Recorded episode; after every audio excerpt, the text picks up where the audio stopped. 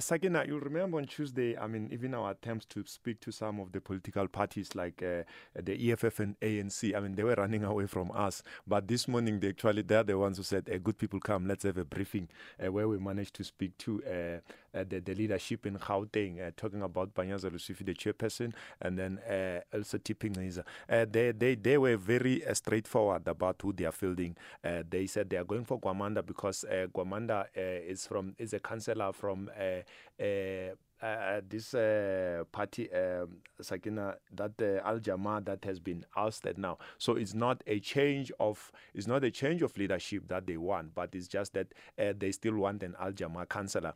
And uh, the, the the DA, uh, they are the ones whom from Tuesday they've been saying that they'll be fielding Popalats. And as you've seen now, I see Action SA just an, earlier on announced that Funzi Ngobeni has been elect- nominated as well. So we're hoping today by the end of business, uh, I mean, not the end of business, but by the end of the day, we're likely to have a new mayor. So uh, the ANC, as you said, uh, they have now gone uh, for another of the Al Jamaa's um, members, Kabelo Gwamanda. What do we know about him so far? Uh, not not much uh, that we know, uh, Sakina, that I can say we've had uh, to get uh, too much time. But all I can say, one of the things that we pose as questions is that uh, even if why why was that they are going back for Al Jama based on the fact that there were concerns over uh, the previous candidate Kabelo that actually didn't seem to be people having confidence in him. So now, um, and this is a minority party, why would then field someone else from there? But they said they are very clear. Uh, Lesufi did say that they are very clear about that. Uh, they had uh, proper discussions because what they care about is that uh, it's a, it's about the the, the, the, the services that needs to be delivered. It's about giving the the, the proper things that the, the city needs. Like you remember, um, this is the fifth fifth mayor, mayoral candidate that we're looking at today uh, since uh, 2021. That's a few years ago. We've had like four four four outgoing mayors as well. But he did say that, for example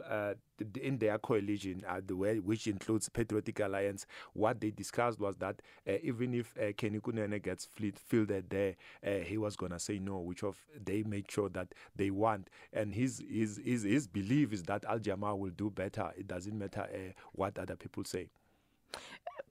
What are the broader reasons behind uh, the backing for the Al Jamaa candidate? Because, you know, these music, musical chairs have been going on for a while now. But what are they saying? What is the real reason behind backing this particular candidate? I, it's not something that they are very clear with, but uh, if I take you back in one of uh, the interviews we had with the, the, the, the ANC leadership in Gauteng, uh, one of the things that uh, Tipping Niza said to us was that uh, they, as the ANC, they have never won uh, uh, the, the, the, the, outright majority. And then, be it may, for them to go and want to contest for that as the ANC, not they rather wait for elections. So in the meantime, uh, it's something that uh, they, they, they, they don't think they they rather go field someone who's uh, who's from a minority party. And then that seems to be the best candidate uh, Al Jama seems to be the best party that uh, is as, as good for the position.